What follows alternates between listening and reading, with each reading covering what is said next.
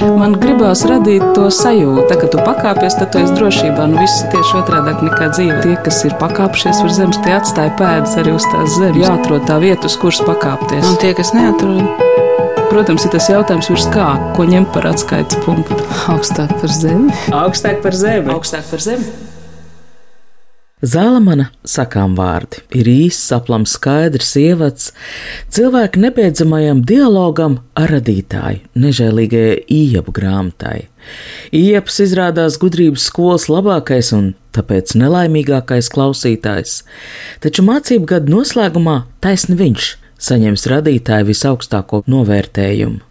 Es ar klāt ar savu grēku tārbu, lūdzu, uzklausi, mīļais dieviņ, liedz man iep skolu nobeigt attālināti. Centos čakli špikot no gudrības un brīvstundām, man patīk staigāt pāri ar viņu. Stāvot pie tāfēles, ieklausījos tavu kalpu priekšā teiktajā un atbildēju skaidri un īsi, neieved mani kārdinājumā. Zinu, pavasars nāks ar eksāmenu. Pasargā mani no lieka kaut pelnīta kauna un pārāk liela, kaut derīga pamācoša kauna. Esiet sveicināti! Apgādes zinātnē iedibinātajā sērijā literatūras pieminekļi drīzumā iznāks Zālamana sakām vārdi. Viens no interesantākajiem senēbrēju literatūras pieminekļiem valodas sižetu un vēstījumu ziņā Bībeles vecās derības tekstos atpazīstam kā Salamana pamācības. Nosaukumu zāla man sakām vārdi devis tulkotājs Ulds Bērziņš, un viņa vēl šī gada februārī rakstīti ir ievadvārdi gaidāmajai grāmatai un nu jau citēti ievadvārdi arī šim raidījumam. Un tādējādi stāsts par gaidāmo grāmatu, Zālamana sakām vārdi, ir ne tikai par notikumu, vecās derības teksta sekulāru tulkojumu iznākšanu, bet arī par tulkotāju Ulžu Bērziņa grandiozo plānu mūža garumā likt latviski ieskanēties iespējami daudziem pasaules lielajiem tekstiem, arī par ilgadējo sadarbību ar mākslinieci Liliju Dineri, kur literatūras pieminekļu tulkojuma ilustrācijās radījusi veselu senatnes tēlu pasauli pasauli. Un arī par apgādes zinātne, nu jau vairākus gadu desmitus turpināto sēriju literatūras pieminekļi. Mans vārds ir Anna Bušvica un risināsim visu pēc kārtas. Sērijas kanons blakus tulkotāju priekšvārdam paredz vietu arī komentāriem. Zālamana sakām vārdiem tos rakstījis Ilmārs Virksts. Tā ir folklora. Grūti pateikt uzreiz, kas ir folklore. Tad man jāatbild ar pretjautājumu. Nu, Katrā ziņā pats svarīgākais, ja Zalamāna sakām vārdos, ir tas, ka neapšaubām tā ir daļa no mutvārdu gudrības literatūras. Un tai mutvārdu gudrības literatūrai bez tā, ka tā ir mutvārdu literatūra un kā tāda, tā jau smeļas iedvesmu no tautas literatūras, no dažādu blakus tautu literatūrām un uh, tam līdzīgi. Līdz ar to, protams, ka tā ir folklorizējusies specifiska tomēr gudrības literatūras daļrada. Un folklorizēsies tā tāpēc, ka sakām vārds ir tāda īsa daļradas forma, kur tev dažu sekundžu laikā jāpasaka doma, kas visiem tādiem klausītājiem vai sarunas biedriem paliktu atmiņā. Un līdz ar to tur ir svarīga ne tikai pati gudrība kā tāda, jo tas arī ir strīdīgs jautājums, kas vienā gudrībā, otrā liekas muļķība, bet uh, tas ir jāietērp zināmā literārā formā, lai tam būtu ritmiska vērtība, skaniska vērtība Apgādes zinātnē sērijas literatūras pieminekļu pastāvēšana deva iespēju arī sērijā iesaistītajiem tulkotājiem domāt ar vērienu, plānot, paļauties jau 1997. gadā, kad Ulža Bērziņa tulkojumā ar nosaukumu Ījaps iznāca vecās derības Ījapa grāmata, iecers bija skaidrs Pirms tam, 1993. gadā, Knuts Kujnieks ar nosaukumu Dziesmu dziesmu bija iztulkojis Salamana augsto dziesmu, Ulža Bērziņa tulkojumā 2000. gadā iznāca pulcētājs, 2005. gadā slavinājumu, jeb psalmu grāmata. Es diezgan sen pazinu Bērziņu. Par Bībeles tekstiem runājot, mēs jau strādājām kopā pie to tulkošanas. Vienā istabā mēs sēdējām kaut kādus gadus, piecus šeit, vai, vai sešus, un Ulas vienmēr pārtaisīja savus darbus. Jo mūsu tulkojums, kā mēs paši to uztvērām, būtībā tagad nākos slēpt, bija veltīts literatūrai un vārdu mākslas izpausmē, uztverot to jāatzīst sekulārā veidā. Tas, kāpēc tam to izmantoja dažādām reliģiskām vajadzībām, protams, ka pret to nav nevienam iebildumu, bet tā mūsu uzticība ir vārdam un skaniskajām literārajām vērtībām un tam, kā tas skan un lasās un izskatās. Bībeles biedrības vadībā tapušais Bībeles jaunais tulkojums, tas tika pabeigts 2012. gadā, atšķiras no sērijā literatūras pieminekļi izdotajiem vecās derības tekstu tulkojumiem. Jo sekulārā tulkojumā tulkotājs drīkst ļauties dzēnieku intuīcijai, nesekot tradīcijai, reliģiskiem kanoniem, saprast un izdzīvot šos tekstus tā, kā lasīts pirmoreiz taču tāpēc arī apjomīgās komentāru sadaļas, kas skaidro pamato izdarītās izvēles saprašanas kontekstu. Līdzšinējiem sērijas tulkojumiem no senebreju valodas. Komentāru un ievadu tam rakstīja Jānis Vembergs, kas ir mans skolotājs un kas bija mans skolotājs jau brīvajā ebreju universitātē, tādā puslegālā mācību iestādē, kas Rīgā pastāvēja. Un Ulas vienmēr kā pa jokam teica, nu, tā kā tu izaug izaugs liels. Tas jau bija tas sakās sen. Tad tur rakstīs tos komentārus. Es vienmēr teicu, nu, kādas muļķības, lai tas Čovs Vembergs raksta. Bet, lai tur redz, visi nomirst, Čovs Vembergs nomira un Uldis tagad ir miris. Pamazām es piekāpos Uldim un piekrītu, par cik esmu ar to nodarbojies un savulaik arī universitātē pasniedzu šīs lietas. Tad, uh, Es piekrītu uzrakstīt tādu komentāru, nu, kas ir tā gudrības literatūra, no kā ir cēlusies, kādas ir ieteikums, vai tur ir eģiptiešu literatūra vai blakus tautu literatūra ietekmēs visus, jo mēs arī nevaram zināt. Gudrības literatūra es pirmo reizi tādu terminu dzirdu. Tas ir eh, būtībā termins, ar ko apzīmē literatūru, kas sniedz uh, visos tuvajos austrumos. Tāda ir gan, gan Eģiptē, gan senajiem babiloniešiem, akādiešiem bija. Un šī gudrības literatūra kopsavilkot, ir dažādi īsi, kodolīgi izteicieni, kas pamāca cilvēku, kā dzīvot. Un mūsdienās bieži vien cilvēkiem nepatīk, ka viņus pamāca, kā, kā dzīvot, vai norāda, kas viņiem būtu jādara, vai piemēram, jāvelk mugurā. Tā laika gudrības literatūra ļoti labprāt pamāca, kā piemēram rīkoties, vai aizdot naudu, vai neizdot, vai galvot par kaimiņu, vai negalvot, vai sajieties ar sliktiem cilvēkiem, vai nesieties. Var nolasīt, piemēram, no sestās nodaļas, piemēram, dēls. Ja tu esi galvojis par savu kaimiņu, vai ar svešiniekam sita saujā, tu esi nomedīts pats savos vārdos, notverts pats savus mutes vārdos. Tad rīkojies, dēls, ka vēl var glābties, jo tu esi sava kaimiņa varā. Ej un zemojies, ej, uzplies savam kaimiņam, neļauj miegu savām acīm, nes naudienu saviem plakstiem, glābies kā gazela no slāzda, kā putns no putnu ķērāja rokas. Vai tas labi neatiecas arī uz ātrajiem kredītiem un vispārējo? Tik poētiski vēl pateikts. Un to tas cilvēkam arī iekrīt atmiņā, ka viņam nevajadzētu uh, nodarboties ar nepamatotiem galvojumiem vai ielaisties šaubīgos darījumos, līgumos un tam līdzīgi. Jā, tas bija tāds labs piemērs par to, ka šī gudrības literatūra neatiecās uz tikai smalkām lietām vai kaut kādiem ētikas uh, principiem, kā rīkoties, bet tīri uz praktiskām situācijām. Un vēl viens citāts no tulkotāja Ulža Bērziņa rakstītā priekšvārda. Zālamana gudrība atceras mūžību pirms fiziskā visuma radīšanas, kad bija tikai radītājs un gudrība, viņa iecerē.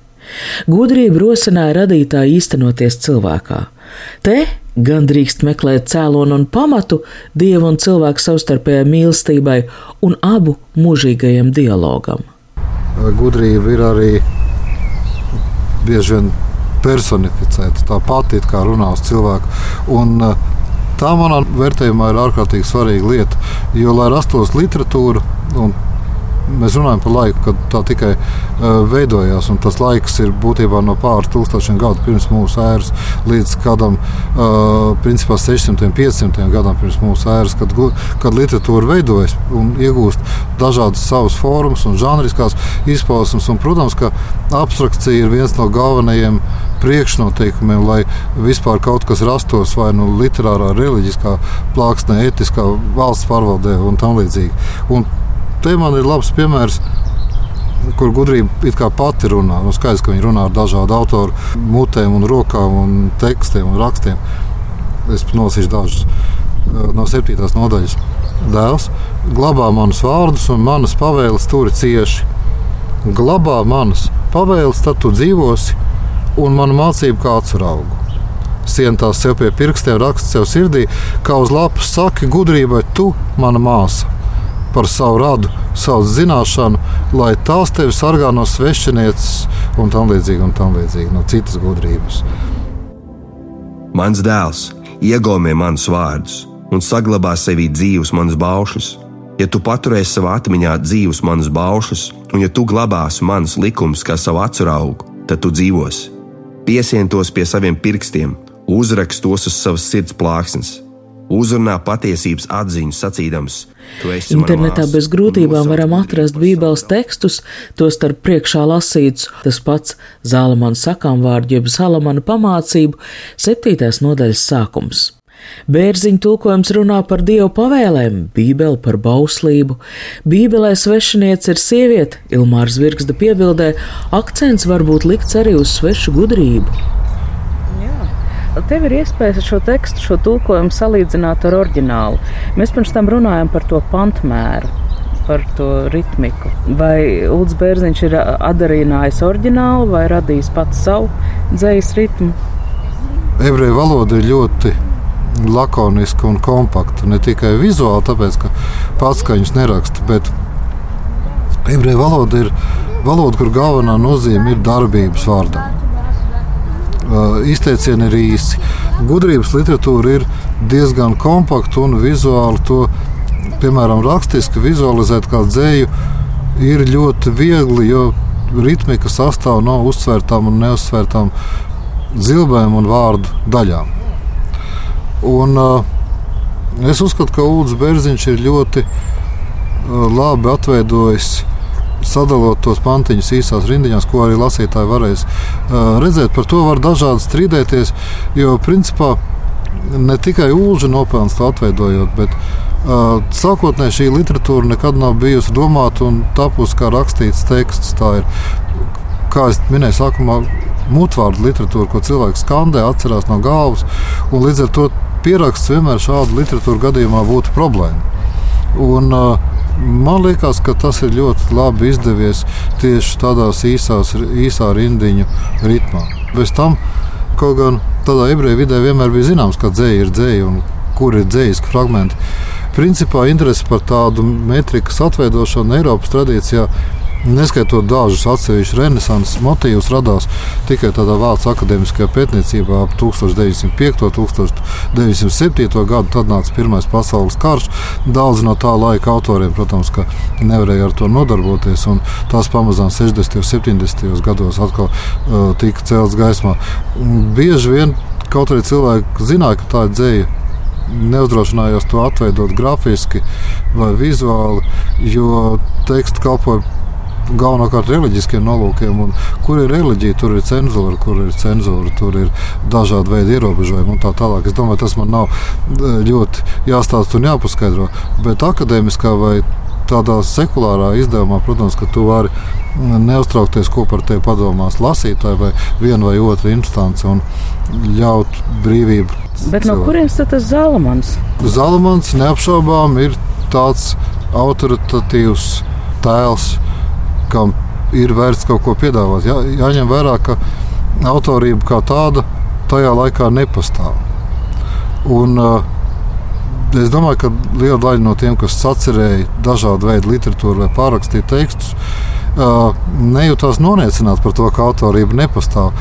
Viņi bija sava amata pratēji, un uh, viņu autorības augstākais kalngals ir strādāt kaut kāda žanra ietvaros. Respektīvi, ja viņš strādā šī žanra ietvaros un radīs šī žanra ietvariem atbilstošu darbu, tad viņš ir panācis savā dzīvē visaugstāko. Un autorība tādā ziņā, ka tā tiek pierakstīta kādai. Es nenoliedzu, ka Zalamans kaut ko varētu būt arī sacerējis vai teicis kādas gudras domas, gluži, gluži nē. Bet uh, Zalamans, kā viens no ietekmīgākajiem tā laika valdniekiem, protams, ir pelnījis, lai jebkurus gudrības, literatūras, augstākās gudrības vai praktiskās gudrības rakstus vai avotus pierakstīt viņam.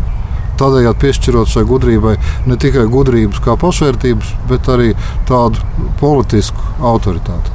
Tāpat kā, piemēram, eģiptiešu tekstos faraoni saka, es faraons tāds un tāds uzcēlu šo piramīdu. Mēs taču labi zinām, ka piramīda cēlā daudz simti cilvēki, ja ne tūkstoši. Bet faraons arī saka, to uzcēlējis. Tāpat arī Salamans ir tas, kurš ir šīs gudrības literatūras autors tieši šādā izpratnē.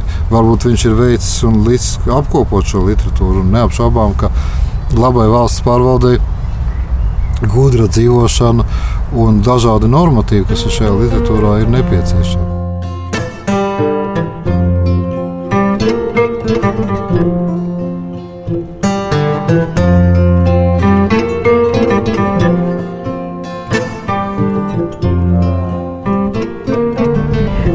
Runājam par gudrības jēdzienu, kā tas ir mainījies mūsdienās, šeit tiek uzsvērta tieši tā sekošana kaut kādai normai, sekošana likumam. Dari tā, un tev labi klāsies. Man liekas, ka uh, sekošana normai jau ir tas, tiklīdz cilvēks apjēdz likumdošanas nozīmi, tad būtībā ar Hamurapī likumiem, un es domāju, arī pirms tam sekošana likumiem ir nepieciešama, jo tā garantē labu dzīvi. Salamāna gudrības šajā tekstā ir parādās. Man šķiet, ka viena no retiem reizēm parādās arī tāda lieta, ka šī sekošana gudrībai var būt ne tikai vispārēji sabiedriska kārtība, kāda tā ir piemēram senajā Eģiptē, kur galvenais labums ir sabiedrības laba, kopīga dzīve piemēram, Eģiptes slavenais princips māte, kas ir taisnīgums. Tev ir jārīkojas taisnīgi un galvenais, kāpēc tu nedrīkst, piemēram, tiesā kādu pazemot, ir tas, ka vai noniecināt vai ņemt kukuļus. Tas, ka tādai, tādā veidā tiktu nodarīta netaisnība. Un Salamāna gudrības literatūrā, piemēram, parādās tāda dzīves gudrība, nu, kā cilvēkam rīkoties, ja, piemēram, tu redz, ka kāds rīkojas muļķīgi un nu, nav gudrs. Un, te ir labs tāds savā ziņā. Es nenodarbošos ar analīzi, bet kas bezkauņu rāja, tas dabū negodu. Kas neganto pamāca tam paļus. Nemāca bezkauņu, jo tas nīdīs tevi, pamāca taisno un tas mīlēs tevi.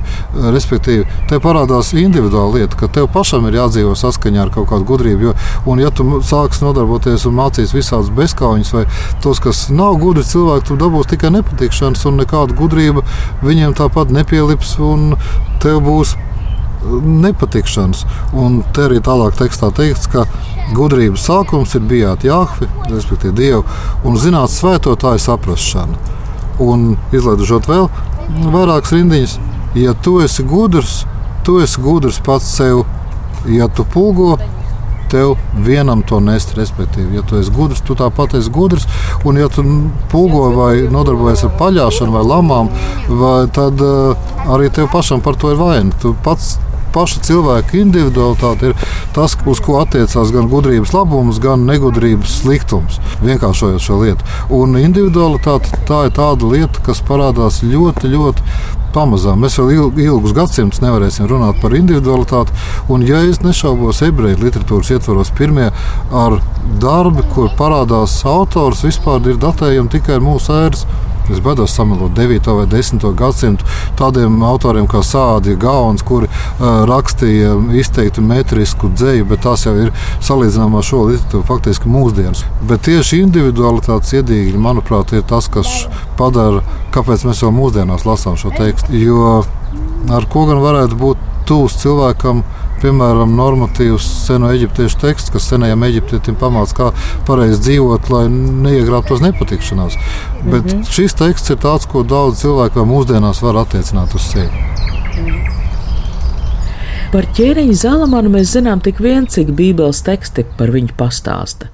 Karaļa Dāvida dēls ap tūkstošu gadu pirms mūsu ēras, trešais Izraels karalists karalis, kuru valdīšanas laikā uzcelts pirmais Jeruzālēmas templis, vecā derība slavina viņu viedumu, bagātību, liecina arī par aizrautību ar sievietes skaistumu.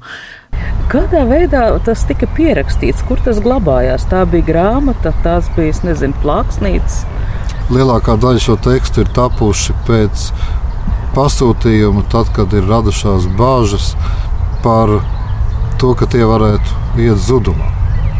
Faktiski uz pergamenta arī ir pazīstams tāds pierakstu veids, tā, kas tautā cirkulē kā ostrakas, kad uz māla lauskām pieraksta ar tinti vai bieži vien metāliskas daļiņas. saturošu tinti. Bet uh, ebreju kultūrā klasiskā veidā jau vispār nevar runāt ne par kādu, kā kristieši saka, kanonu. Uh, vispār literatūra ir nebeidzama. Tā nav īpaši ne sākums, ne beigas. Tā turpinās. Vienīgā iespēja, kāpēc, piemēram, klasiskajā ebreju tradīcijā radās nepieciešamība kaut ko ierobežot, bija tas, ka radās daudz citas kultūras un cilvēku. Piemēram, citi cilvēki jau pretendēja, teica, ka tie ir arī mūsu teksti. Tad radās nepieciešamība nospraust kaut kādas robežas. Katrā ziņā pieraksts tas ir neglābjams ļaunums, jo tas iedragā mutvāru tradīciju. Būtu jau ideāli, ja to zinātu cilvēku no galvas. Bet pateicoties šim pierakstam, mums tie teksti ir. Un, ja, ja nebūtu notikusi tāda neglābjamais process, ka mutvāra tradīcija sarūk un radās nepieciešamība pierakstīt, tad mums ko lasīt nebūtu.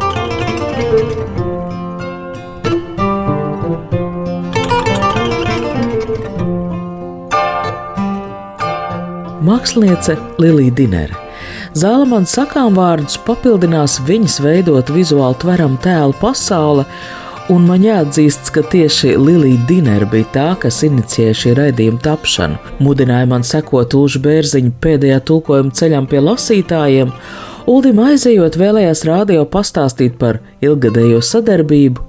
Tā aizsākās 1993. gadā, kad iznāca Ulža Bērziņa no vecu oguzu valodas tulkotais teiku krājums Mana vecstāva korkuda grāmata.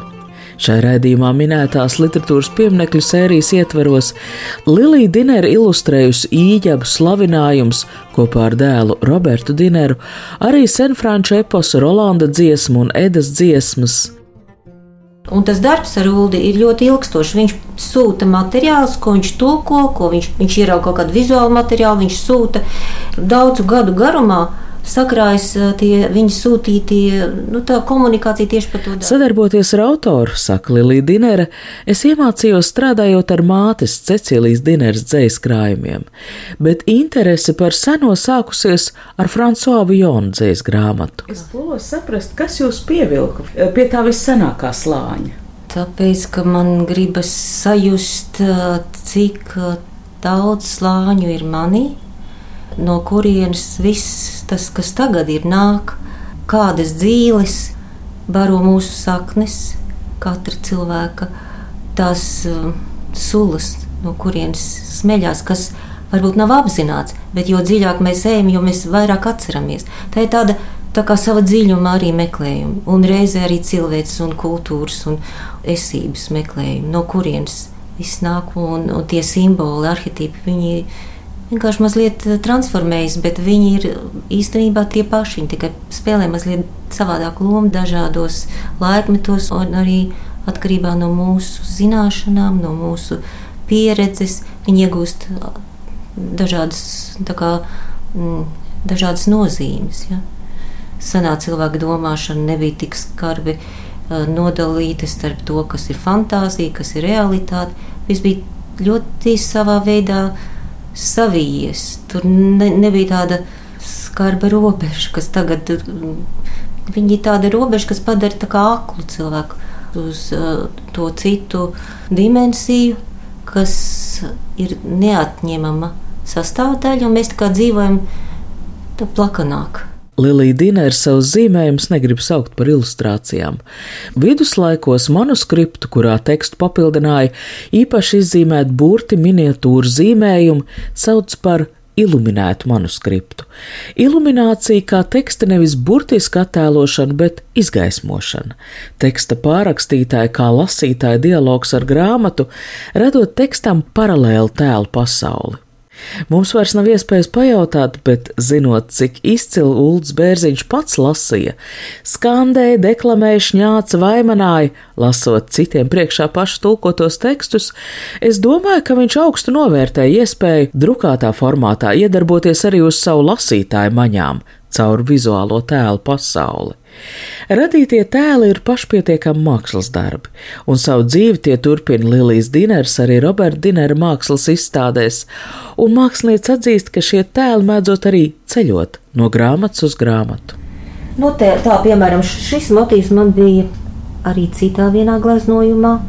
Un īstenībā es strādāju kā pieslēgusies pie tiem mm -hmm. senajiem tekstiem mm -hmm. un pie senās domāšanas.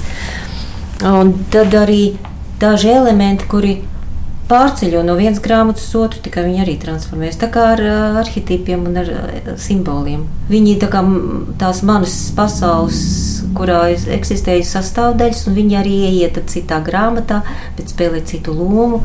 Viņi varbūt ir tikai dekoratīvi, vai viņi ir tur pozitīvāki kaut kādi, vai viņi ir draudošāki. Esam tikuši līdz zēlamāna sakām vārdiem radītajiem zīmējumiem, un es esmu priecīgi ieraudzīt to oriģināls. Tad strādājot pie Bībeles tekstiem, kas bija jūsu iedvesmas avotīs? Visa mūsu kultūra, rietumu, viņi bāzējās tomēr uz seno kultūru, tādā mantojumu. Man iedvesmo tas, ka uh, cilvēks bija tikpat vietas, ne ar ko mēs tagad neesam gudrāki vai dziļāki nekā senais cilvēks. Varbūt viņa domāšana bija savādāk strukturēta, citas prioritātes. Bet uh, man iedvesmo tas, ka mēs visi vienoti. Visa pasaule ir viens vesels. Un tās dažādas kultūras, dažādas tautas, kā viņas savijās, kā viņas vienotru Tas tā kā tādam lielam kokam zari nāk no dzīvēm, un, un, un tad skaisti zied un lapas un lapotni veidos. Tas varbūt uh, man visvairāk sajūsmina. Man ir iespēja ielūkoties Lilijas Dienas darba procesā. Klade, kurā viņa man ļauj ieskatīties, esot tā viņas darba stadija, kurā neviens no malas vēl neko nevarot saprast. Es, man ir tādi pieraksti, tad es izvēlos atsevišķus elementus, kuri ļoti dominēja, ja, kā simboli. Mm -hmm. Svāri, koks, nepaņem visus gaismu lampas, atkal svāri, sirds, svāri. Tur redziet, un tad es te atzīmēju viesulis, kas tur ir pāris, kārdinātāji, loks, nav un tāda strādāja to manuskriptu. Uz grāmatas vāka būs attēloti redzīgi eņģeļa spārni lūkšanas simbols. Būtisks no teksta aizgūts tēls ir lukturis, gudrības simbols, kas izgaismo līdz tam acīm apslēpto, treps ar kāpēju kalnā rozes tēls, savī kopā laiks un atgādina par klātesošiem draudiem. Lilija Dinēra man rāda puisi upes malā, kurš raugās savā atspulgā. Tas ir pārdoms, ja iesākās grāmata ar šo, mm -hmm. puisis uh, grib apcerēt, kas viņš ir, ka sevi ieskatās. Ja? Tad nākošā ilustrācija šis viedais vecis, kas ir zālamāns vai kāds viedais mm, pravietis, kurš izgaismo. Un tālāk nāk šie svari, kas ir kā justīcija, nosvers labo ļauno, ja, tad līdzsvaru. Jā, tad bija tā cīņa ar savām stihijām, ar pretmetim. Šeit ir lūkšana un palīdzība. Nu, tādas, es, es ņēmu tos tādus fundamentālos stāvokļus, nevis atsevišķu rindiņu ilustrēšanu. Arī Ilmārs Zvirksts ir sadarbojies ar māksliniekiem Liliju Dineru, Robertu Dineru. 2019. gadā iznāca viņa tulkotā poēma par Gilgamešu. Man iedvesmo tas, ka Ulžu vairs nav, bet Ulds būs grāmatas turpina iznākt. Jā, grāmatas turpina iznākt. Neteiktu, ka es priecājos, ka grāmata iznāk pēc viņa nāves. Es ļoti gribēju toreiz, kad tas sākās no šeit 2018. gadā. Es biju domājis, ka grāmata iznāks un Ulas to redzēs un priecāsies un turēs rokā. Bet dabīgi, ka nu, tagad, kad tā iznāk, tas ir arī tāds viņa daļradas turpinājums. Zāle man sakām vārdu tulkotāju priekšvārdam, Ulris Bērziņš devis apkopojumu virsrakstā Ievads mūžīgai tiešsaistei. Un savāds ir bijis laiks, kurā šis priekšvārds tappa pandēmijas laiks, kad cilvēks no cilvēka nošķirts saiknes uzturēja tiešsaistes notikumos un sarunās, vai cilvēka dialogs ar Dievu varētu būt tikpat īsts un vienlaikus netverams kā virtuālā saziņa. Zāle man sakām vārdu sola, ka cilvēks izgājis gudrības skolu, spēj rīkoties pareizi, izprast pasauli, lietu kārtību, līdz brīdim, kad ieps uzzina, ka Dievs spēlē jau nākamajā līmenī. Atkal pēc cilvēka prātam nesaprotamiem noteikumiem. Pati iespēja saprast vai nesaprast, dota tikai tiešsaistē, tekstā. Ar zāli man sakām vārdu komentāru autoru Ilmāru Zvirgstu ar mākslinieci Liliju Dineri sarunājās Anna Bušvica. Par šī raidījuma skaņu gādāja Nora Mitspapa. Man gribās radīt to sajūtu, tā, ka tu pakāpies, tad tu esi drošībā. Nu, viss ir tieši otrādi nekā dzīve. Tie, kas ir pakāpšies virs zemes, tie atstāja pēdas arī uz tās zemes. Jāatrod tā vieta, uz kuras pakāpties. Un tie, kas neatrod, Protams, ir tas jautājums, virs kā, ko ņemt par atskaites punktu. augstāk par zemi. Augstāk par zemi. Augstāk par zemi.